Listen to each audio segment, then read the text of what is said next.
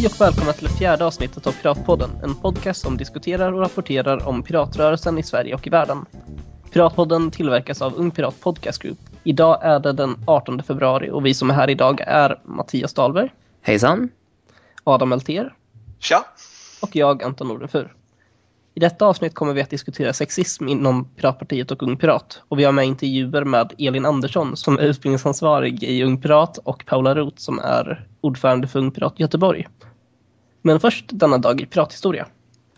Den 15 februari 2006 registrerades Piratpartiet formellt hos Valmyndigheten efter att äntligen ha lyckats samla in tusen fysiska underskrifter eftersom de digitala inte accepterades av Valmyndigheten. Det var ju nice. När grundades hemsidan? Hemsidan grundades väl 1 januari, tror jag. Över till nyheter.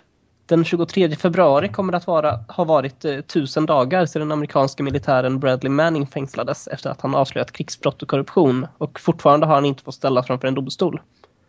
Eh, Manning gav ut hemliga krigsdokument till Wikileaks och riskerar nu fängels, äh, att fängslas i flera tiotals år för att ha hjälpt fienden. Bara för att denna kunde få tillgång till Wikileaks. Den stora frågan här är väl egentligen inte varför Manning anklagas för det brottet utan snarare hur någon kan hållas i fängelset under hemska förhållanden i så länge som över tre år utan att en rättegång inleds. Och det är väl allra minst människorättsvidrigt, tycker väl jag. Den 23 februari, när det alltså är 1000 dagar, så planeras därför en serie demonstrationer runt om i världen, främst i USA men också en del internationellt, i Australien, Kanada, Storbritannien, Tyskland och Italien. Eh, tyvärr verkar det inte planeras någonting alls i Sverige, som det ser ut. Eh, The Pirate Bay har stämt en finsk upphovsrättsorganisation för att ha plagierat eh, The Pirate Bays sida. De eh, stämmer hemsidan på 5000 euro. Vänta, vi pratade inte om det där nyss, de stämmer de ju inte alls det. De Nej. polisanmälde dem. eller? Ja. Det är en väldigt stor skillnad. Det är ju ironin i det som är det roliga egentligen. ja, precis. De sa ju det också, typ Pirate Bay, att eh, det här har jättestora konsekvenser på världsekonomin. att de gjorde en kampanjsida med liksom Pirate Bays design. Jag tycker faktiskt att kampanjsidan är rätt rolig, även om jag inte håller med om den. Där det i princip är total plagiat av Pirate Bay, men sen när man knappar in och man söker på till exempel How I Met Your Mother och sök, klickar på sök så dyker det upp en sida om att det är olagligt att piratkopiera. jag tyckte faktiskt det var rätt gulligt, även om jag inte håller med om målet riktigt. Men ja. En sak att tillägga är att eh, The Pirate Bay har ju en eh, copy.me på sin sida. Så att de vill ju att man ska kopiera deras hemsida egentligen. Så det är uppenbarligen ett skämt. Ja, jag, jag förstår inte riktigt hur de, eller vad de försöker åstadkomma här, annat än att få uppmärksamhet. Och uppmärksamhet kan de väl få på andra sätt. För jag, jag kan ärligt talat inte se att det här är någonting bra för dem, att de gör så här. Det verkar bara fånigt. Precis som när det var hela grejen med eh, Julia Schramm förra året som var styrelseledamot i tyska piratenparti. Eh, när hennes bok blev släppt och hon, eller hennes förlag gick ut efter pi- eh, pirater som kopierade den boken. Det ser ju bara löjligt ut för henne och nu ser det här bara löjligt ut för Pirate Bay ärligt talat. Men alltså anledningen var väl egentligen att eh, den finska upphovsrättsorganisationen egentligen bara har ett enda val. Alltså, eller två val, men de kan ju antingen erkänna att det faktiskt inte är stöld att plagiera. Eller så kan de helt enkelt, eller så tvingas de betala liksom. Och då vinner de ju på det oavsett. Fast de vinner ju, inte- om de betalar, de kommer inte att förlora så värst mycket på det för de har pengar. Och Pirate Bay kommer inte tjäna så värst mycket på det heller. Visst, de får lite pengar. Men rent moraliskt kommer det inte att vara någon vinst för dem utan då blir det en ren förlust. Att de utnyttjade att andra gjorde fel. De kan inte vara motståndare till att andra kritiserar dem av i princip exakt samma skäl samtidigt som de kritiserar andra. Jag tycker det blir lite fel där. Men jag håller inte med om att Pirate Bay förlorar på det. Jag tror snarare det är upphovsrättsorganisationerna som förlorar mycket mer på det faktiskt. Varför det? För att eh, det är ju de som liksom alltid har sagt att det är stöld att kopiera och så gör de det själva. Ja, alltså jag tror att de redan har förlorat en del respekt på det. Precis som eh, när det var grejen med att Eh, det var en, en eh, jag tror holländsk reklamfilm eh, mot piratkopiering som det sen kom fram att låten de använde hade de inte sökt tillstånd till. Låten som användes i reklamen. Det ser jättedåligt ut för dem. Men den skadan redan skedd nu. Allt Pirate Bay hade behövt göra var att skicka ut ett pressmeddelande och sa kolla, de har stulit våran design. Hahaha. Att gå till en sån längd som att polisanmäla eller hota att stämma någon, det, det blir bara larvigt. Och jag förstår inte vad de tänker att de ska vinna på det. Alltså, de vinner ju egentligen på att visa det absurda i det. Det är ju det de försöker göra. Fast om jag förstår ju, dem rätt. Det hade man ju gjort även i ett pressmeddelande. Nu ser, Nej, ut, nu ser, de, nu ser de ärligt talat snåla ut för mig. Det är det de verkar göra. Nej, de ser ju... De visar ju snarare det absurda i det genom att liksom visa ironin och faktiskt tvinga upphovsrättsorganisationer att antingen erkänna eller betala. Let's agree to disagree, eller något. Ja, det får väl vara så.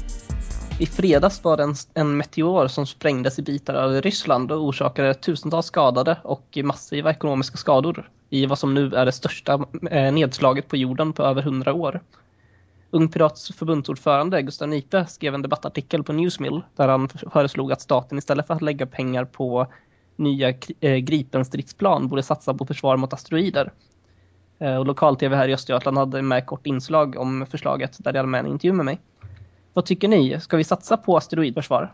Jag tycker det var ju bra av Nipe att utnyttja liksom det som har hänt till att faktiskt få igenom en debattartikel och så och få lite uppmärksamhet.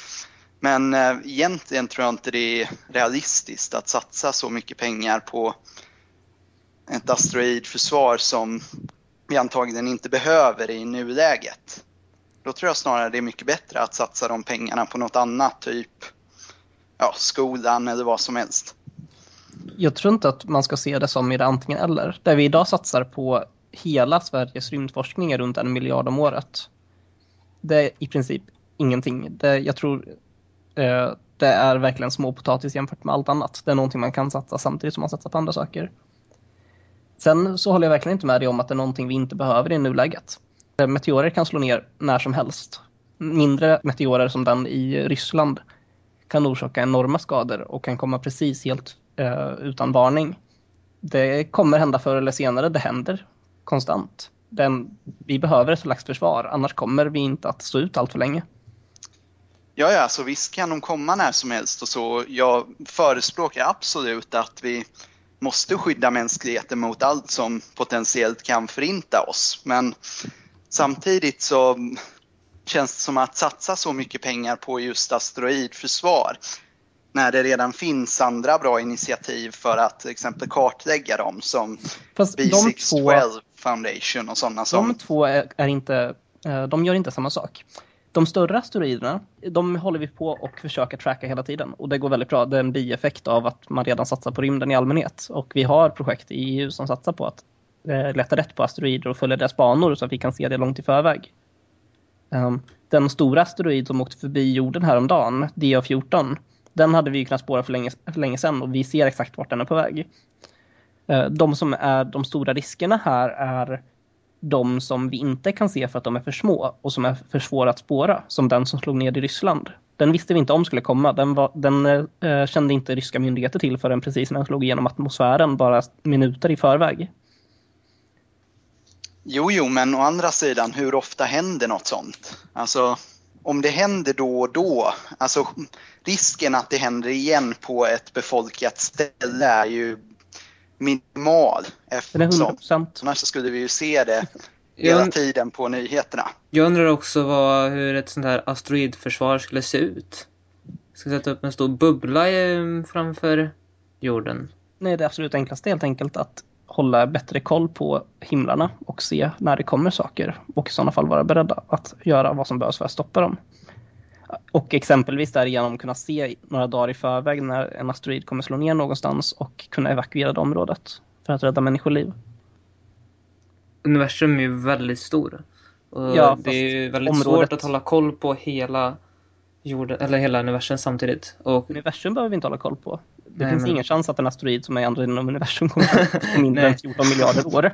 Men, Så det är ingen fara. Det vi behöver hålla koll på är vårt solsystem och de near Earth objects som är här som vi kan bli träffade av, som är potentiella hot. Det är ju väldigt många um, amatörer som hittar um, asteroiderna före NASA mm. till exempel. Fast där är vi återigen inne på de större asteroiderna. Det är de som är lätta att hitta och de kan jag, jag kan se asteroider med mitt teleskop till exempel.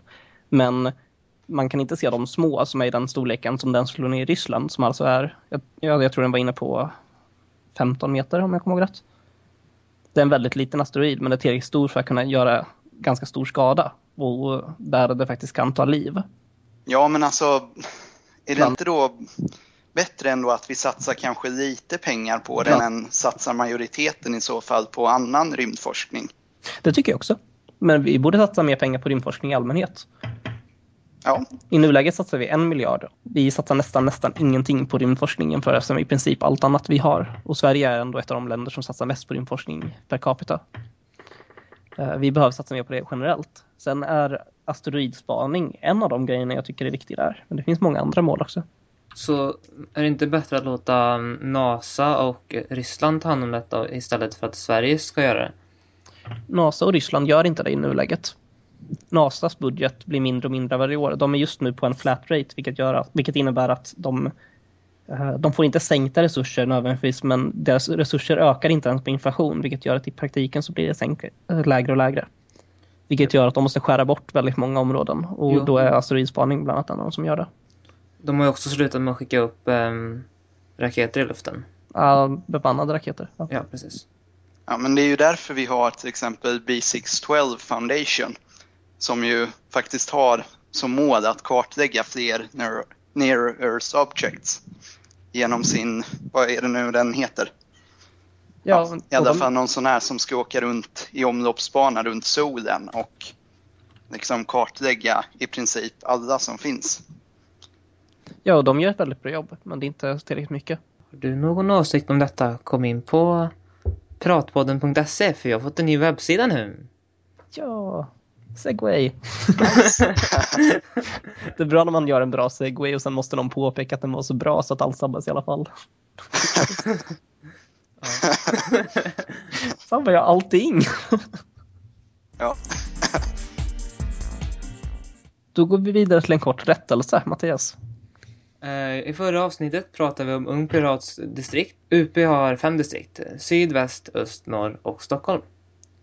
Då går vi vidare till huvudgrejen den här veckan, vilket är en diskussion om sexism inom Ung Pirat och Piratpartiet.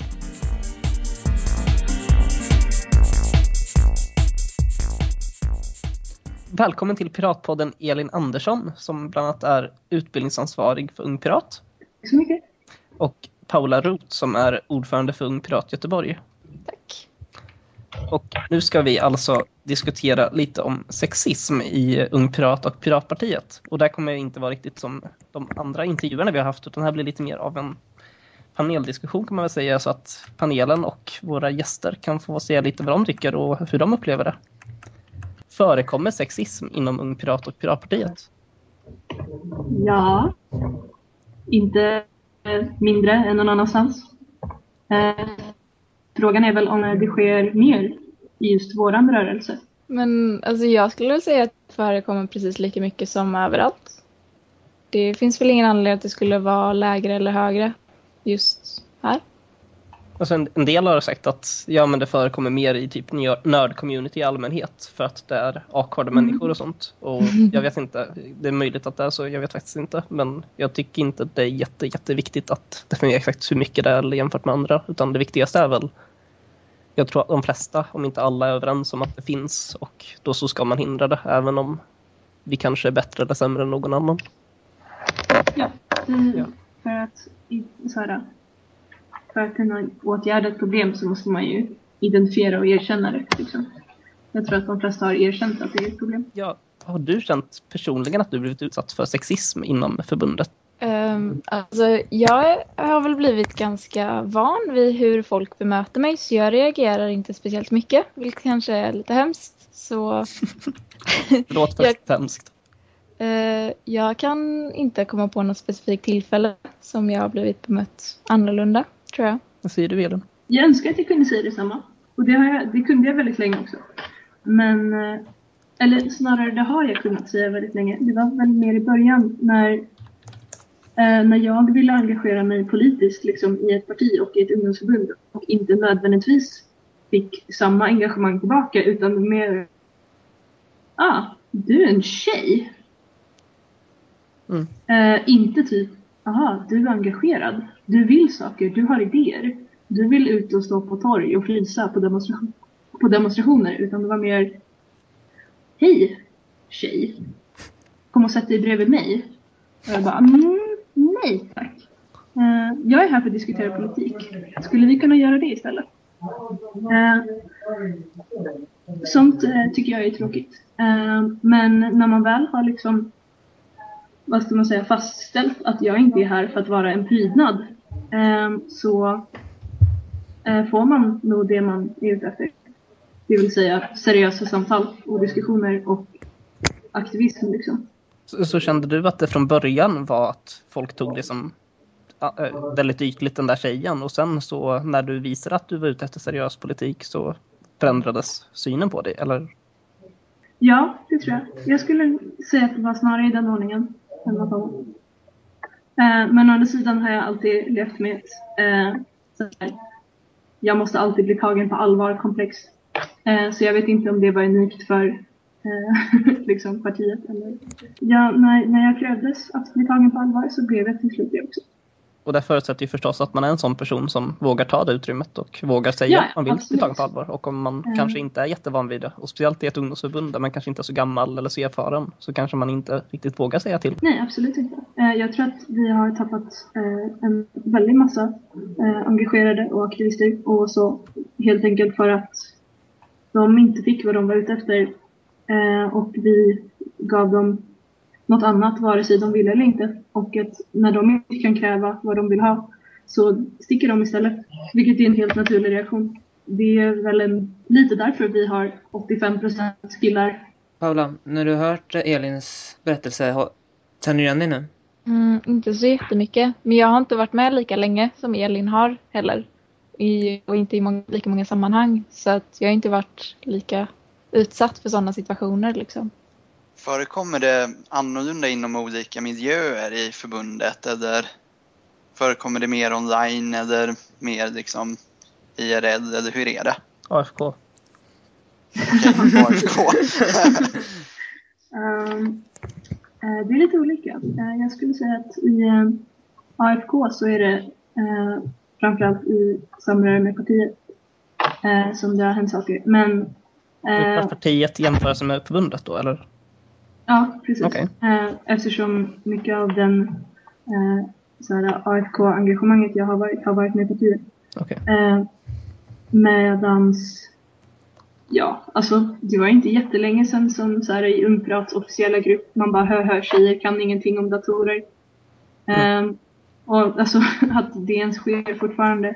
Jag kommer ihåg den överlag attityden med wow, en kvinna på internet, hahaha, och man fortsätter tycka de skämt är roliga. Jag kommer ihåg när folk drog de skämten i IRC-kanaler för liksom tio år sedan. Och folk drar dem fortfarande ibland i Piratpartiets och i Ung Pirats chatter på Skype.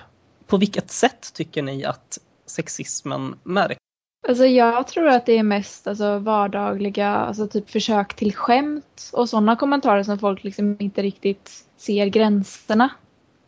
Liksom vad kan man säga och vad kan man inte säga och sådana lite mer vardagliga samtal liksom. Mm. För jag tror inte att någon menar att vara sexistisk. Men att det kan bli så av missuppfattningar och sånt ändå. Som det Elin förklarade nyss känner jag lite främst typ härskartekniker. Oavsett om, de är väl, om de är menade som det eller om det bara blir så.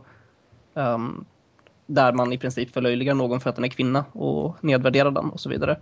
Men Elin, känner du också av den typen som Paula säger som är mer liksom skämt?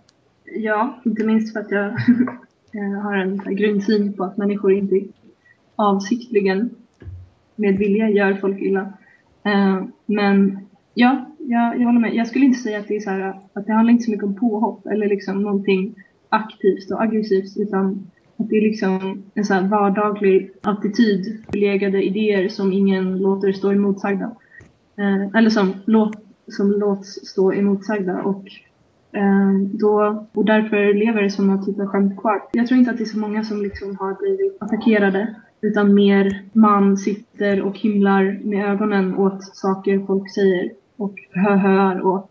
Eh, och sen bygger det bara upp tills man sitter med en avsmak i munnen och bara nej, det är inte så mycket mer framåt i, den här, i det här partiet heller liksom. När ni får en, så här, någonting mot er, vad, hur reagerar ni? Det beror ju helt på situation, vad, vem som säger vad. Om det är liksom en överordnad som jag kanske så här, efter ett tag inser betedde sig olämpligt så skriker jag ju inte direkt på just den personen utan då blir det väl snarare någonting som man går och funderar på och sen eh, antingen så gör man någonting av det eller inte. Medan, ja men typ om det är någonting som skrivs i en eh, grupp på Skype så kanske man skriver direkt att ja, ursäkta, men det är faktiskt 2013 Eh, så det, det beror på faktiskt. Vad får ni för reaktioner om ni säger ifrån då? Det förutsätter väl att man har sagt ifrån någon gång i ett sammanhang.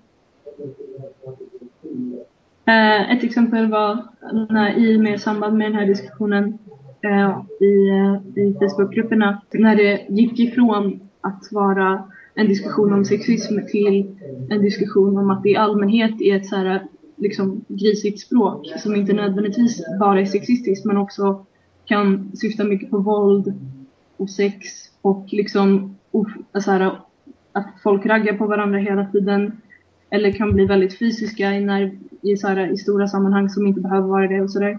Eh, och när jag sen på, påpekade det för alltså, det så AFK för en, en kollega så sa han bara, men det är ju så jag är, tyvärr, typ jag tycker inte att det är ett problem. Men jag markerar att jag tycker att det är ett problem att du säger att man måste stoppa upp saker i folk för att få någonting att hända. Jag tycker inte det är lämpligt prat. Liksom. Och då säger han att det här är sånt språk som han använder. Um, och han tycker inte att det är ett problem. Så antingen så blir man tagen på allvar och det är feedback som har, kommer ge resultat eller så gör det inte det. Och samtidigt känner jag att det, jag kan knappt minnas en enda gång när det faktiskt har varit någon som sagt ifrån när jag, satt, när jag sett uppenbar sexism. Det allra mest främsta som händer är att folk antingen fortsätter att skämta om det och ingen riktigt bryr sig eller att alla tittar lite awkward på varandra och ingen vågar säga någonting och sen hoppas man att det ska försvinna. Mm. Men jag tänkte på det du sa Elin om allmänt grisig attityd. En del som har påpekat det att inom förbundet så har vi en ganska öppen eh, attityd eller kultur och det är många som är väldigt öppna med att prata om till exempel sex och inte nödvändigtvis på ett sexistiskt sätt utan till exempel folk som helt enkelt är öppna med sin sexualitet och tycker att det är intressant att prata om sådana grejer. Hur tror, mm. hur tror ni att det påverkar den sexistiska stämningen? Tror ni att det påverkar negativt så? Jag tror att om man är engagerad i ett politiskt ungdomsförbund eller parti så bör man alltid överväga om det man tänker säga nu är relevant för den situationen eller inte. Det är den gemensamma nämnare som man har med människor i samma rum. Eh, och om man sen pratar om massa saker som de inte är intresserade av så blir det till slut bara obehagligt för alla andra liksom. Eh, så jag tycker att eh, man liksom på fall till fall basis får rättfärdiga det man vill säga.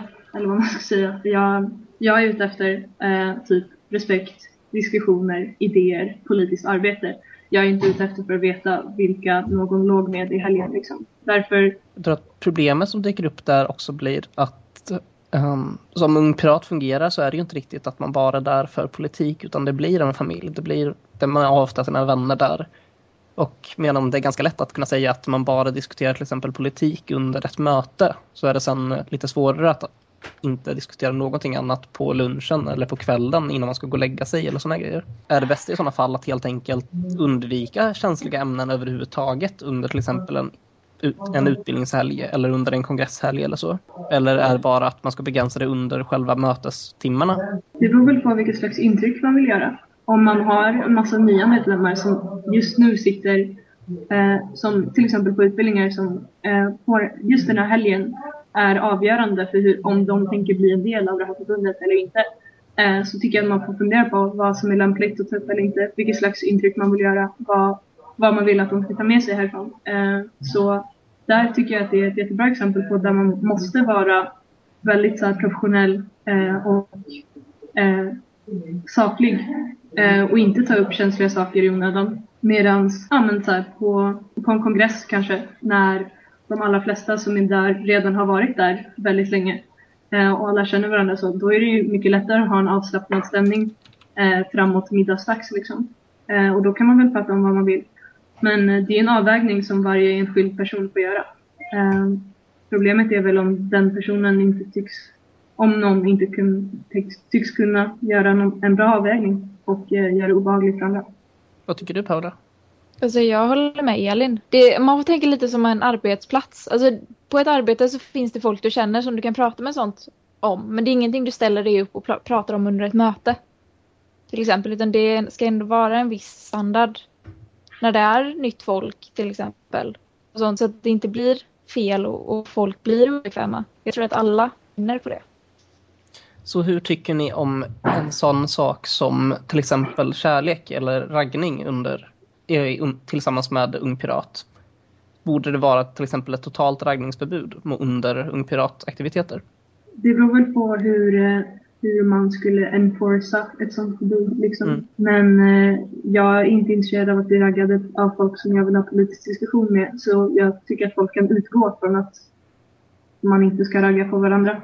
Om man sen fattar tycke för någon som tycks ha fattat tycke för en själv så kan man väl ta det någonstans mindre offentligt. Jag skulle vilja bra. fråga hur ni som killar upplever sexismen i partiet. Vad, hur, speciellt ni som killar. Jag kan inte säga att jag har upplevt att jag har blivit sexistiskt behandlad någonsin, ärligt talat.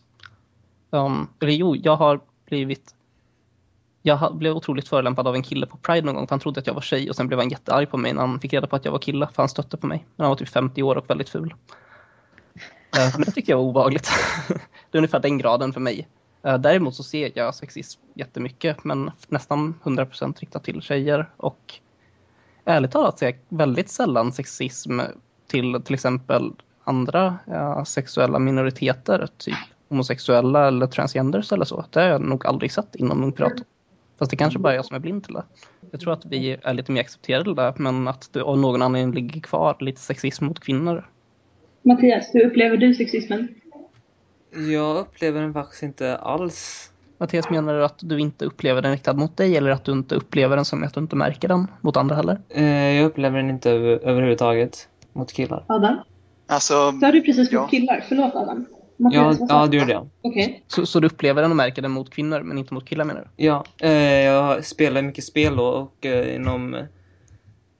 Om det är någon tjej som kommer så blir de ju jättefånade och säger att de inte kan spela, att de borde vara i köket istället och sånt. Och alla försöker hjälpa henne hur man spelar, även om hon uppenbarligen är bättre än någon ja, annan. Ja, precis. Och alla ska bara Oh my god, en tjej! Herregud! Typ. Det är fascinerande att vi att vi tjejer som har varit befolkningen alltid fortfarande kan vara som överraskning. Alltså jag tycker inte att jag har upplevt mer sexism inom UP än på andra ställen liksom. Men å andra sidan så kanske jag inte har varit liksom tillräckligt aktiv eller på rätt ställe för att uppleva det. Jag vet inte. Men jag skulle vilja skilja på den sexism som märks under liksom, möten och mer formella situationer och den som märks eh, under de mer informella grejerna som liksom när man hänger på kansliet eller spelar spel eller liksom, vad som helst sådär. Jag tycker att jag märker rätt stor skillnad på dem. För jag märker att under möten och sånt, jag menar som till exempel i partistyrelsen där det är två kvinnor av 15 om jag kommer rätt. Det är en enorm minoritet. Man märker ju härskartekniker och sånt hela tiden inte bara där utan i allmänhet under möten och sådana saker. Jag vet inte hur mycket det är medvetet och hur mycket det är omedvetet men eh, det är sånt som märks av hur en kvinna överses för att hon är kvinna. Eller förlöjligas mm. eller förväntas inte vara lika insatt i ett område och sådana grejer. Men sen märks det, och det är ganska annorlunda hur det märks i de mer informella situationerna. Där det snarare handlar om att skämtsamt påpeka att någon har bröst. Men där handlar det mer om mer vulgära kommentarer och eh, dåliga skämt jämfört med möten där det är mer förlöjligande och den där lilla flickan. Ja, den lilla flickan är ju populär. Man tycks ju inte kunna bli tillräckligt gammal. Kan man göra någonting åt det eller det, kommer det alltid se ut så här? Nej, Ja. det kommer inte alltid ut så här. Ja, det går att göra någonting åt det. Vad är det vi ska göra om vi vill förändra det här, om vi vill ändra atmosfären? Alltså förändra folks attityder är det det handlar om. Och visa att det inte är okej liksom. Så att få folk att reagera på det. Ja, reagera mera. Så i princip säga till när någon gör fel. Säga att det där är inte okej. Mm. Ehm, jag som utbildningsansvarig eh, satsar mycket på att eh, se till att de deltagare som jag eh, antar till utbildningarna inte har samma sned könsfördelning som resten av förbundet utan gör vad jag kan för att i så stor utsträckning som möjligt ha hälften tjejer, hälften killar. För då får vi med oss ungefär en tredjedel av dem som blir asum aktiva människor. Eh, och då blir vi ännu fler tjejer. Och till slut kan vi jämna ut den här skillnaden. Och sen när, när den eh, ursäkta kanske är ett hårt ord, men när den eh, sämre behandlade minoriteten till slut blir likvärdig eller majoritet eh, så kan de här stumsakerna dumsakerna eh, kanske utrotas. Vi kan, eh, vi kan kvotera, det har jag hört är kontroversiellt. Mm. Jag tror att problemet inom PP och UP när det gäller kvotering är att vi är alldeles för små, ärligt talat. Vi har inte tillräckligt mycket manskraft, eller kvinnokraft, det var väl ett dåligt ordval, men um, för att kunna använda, för att kunna kvotera. Vi har inte råd med det helt enkelt. Uh, för, som sagt, partistyrelsen har jättemånga män. Jag räk- räknar fel förut, det är tre kvinnor av 15, Mm, mm. vilket är nästan ingenting. Jag menar, det är ju en mindre minoritet än inom partiet i stort. Mm. Och det är liksom högsta beslutande organet mellan medlemsomröstningarna. Och det är jättesorgligt. Men samtidigt på förra styrelsevalet så valdes alla kandidater in förutom en. Och där vann man dessutom. Det, var, det- det var inte så många att välja på liksom. Nej precis. Problemet är att folk inte kandiderar. Jag vet inte om det, jag tror inte att det beror på att det inte finns tillräckligt många bra människor som skulle kunna göra sig bra ifrån det. Utan problemet är snarare att folk inte vill kandidera. Folk vill inte uppoffra den tiden. Nej. Och UPs styrelse är alldeles för få kandidater för att kandidera tror jag. Paula, Ja. vad är det som fick dig att bestämma dig för att bli ordförande i Ungförat Göteborg? Eh, alltså det var inga kandidater typ för det nästan. Det var liksom till, precis tillräckligt där för att vi skulle kunna täcka och ha en styrelse liksom. Mm.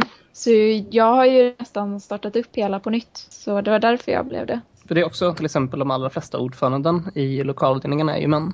Det är ju ganska ovanligt att vara ordförande och dessutom kvinna. Jag vill inte låta som att jag har en offerkofta som är stor som Bryssel. Men jag vill inte behöva hela tiden slåss ännu mer och kämpa ännu mer. Eh, och bara så här, för att jag är tjej. Och, eh, jag vill kunna bli tagen på allvar utan att behöva lida av att jag har bröst. Jag vill att det här förbundet ska bli en plats där jag, inte känner, där jag känner att jag måste bevisa mig eh, per kompetens och liksom bevisa mig med resultat. Eh, inte för att jag inte har testiklar. Mm. Jag skulle tycka det var trevligt om dels om det fanns konkurrens om styrelseplatser. Men dels att det faktum att jag är tjej inte spelar roll i huruvida jag kommer in i styrelsen eller inte. Men jag kan inte påstå att det inte gör det idag. Mm. Så nu har du chansen. Vad skulle du säga till alla tjejer som inte söker till ordförande och sånt? Så det beror väl på. Eh, Jag skulle säga, det beror på i vilket stadie man är. Antingen så skulle jag säga engagera er. Eh, Eller skulle jag säga ta för er. Eh, Eller så skulle jag säga typ, alltså om, om det finns konkurrens, var bättre. Skulle, eller så här, om det inte finns konkurrens, ta chansen. Paula, några ord från dig till de kvinnor och tjejer där ute som kanske funderar på att kandidera? Gör det, absolut. Alltså, det är inte så svårt eller att göra jobbet. Alltså, det är jättekul, det är jättegivande. Bara ställ upp, var inte rädda.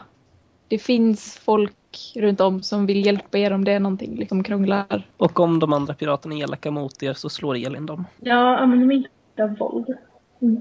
Åtminstone inte fysiskt. Alltså är det någon som har varit med i fler lokalavdelningar som har liksom märkt någon skillnad? Specifikt för att jag känner att alltså, i Göteborg, den enda jag har varit i, så är det verkligen ingenting. Men det kan vara för att den är så ny liksom. Alltså, jag märker ju skillnad när man är i lokalavdelningar där det är mer kvinnor. Då är det mindre sexism. Det är väldigt uppenbart. I de som i eh, Linköping, när jag var ordförande där så var det ju styrelsen var det ungefär hälften som var kvinnor. Ja, då märkte jag märkte inte av det överhuvudtaget. Utan ja, den i andra föreningar jag varit med i utan att säga namn så märks det ju tydligare när det nästan bara är män. Eller nästan värre när det är bara män och sen en kvinna. Speciellt om den kvinnan kanske inte är den mest kaxiga typen eller den som vågar ta maxplats. Då blir det mer att det handlar om bakgrunden och att folk tycker om att dra skämt på den personens bekostnad. Mm, mm. Om den personen sen är någon som tycker om att ta plats. Under alla gånger jag har varit i ett möte eller ett eh, samma sammanhang med till exempel Elin så tror jag ärligt talat att jag aldrig har hört någon vara jättesexistisk mot henne. Fan, ingen som vågar. Folk vet om att Elin är sån som säger ifrån. Men man ska inte behöva vara sån som säger ifrån för att slippa sexism. Nej, vi måste få alla medlemmar att trivas och känna sig välkomna och inte behöva vara här eh, med, inte behöva anstränga sig för att kunna få plats. Utan vi måste kunna ge plats. Tack så mycket för att du kunde vara med Elin. Tack för att jag fick komma. Tack Paula. Tack för att jag fick komma. Hejdå! Hejdå. Hej då. Dagens citat. En individ som bryter mot en lag som hans samvete säger om orätt och som med vilja genomlider fängelsestraff för att göra samhället medveten om orättvis, orättvisan. Han uttrycker den högsta respekten för lagen. Martin Luther King! Yay. Ni ska applådera och sånt. Det var allt för detta avsnitt av Piratpodden. Håll utkik på piratpodden.se för nästa avsnitt som kommer ut framåt slutet av februari. Hej då. Hej då. Hejdå! Du har lyssnat på Piratpodden, podcasten som diskuterar och rapporterar om piratrörelsen i Sverige och i världen. Har du tips, frågor eller annan feedback? Kontakta oss genom vår hemsida, piratpodden.se. Piratpodden tillverkas av Ung Pirat Podcastgrupp, en lokalavdelning inom Ung Pirat, Piratpartiets ungdomsförbund. De åsikter som uttrycks på podcasten återspeglar inte nödvändigtvis Ung Pirat eller Piratpartiet. Vill du stödja oss? Du kan bli medlem i UP Podcastgrupp helt gratis. Kolla in vår webbsida, piratpodden.se, för mer information. Musiken som spelades gjordes av Kevin MacLeod och Frank Nora och är släppt under Public Domain. Denna podcast i sin helhet är tillgänglig under Public Domain, med andra ord får du göra vad du vill med den.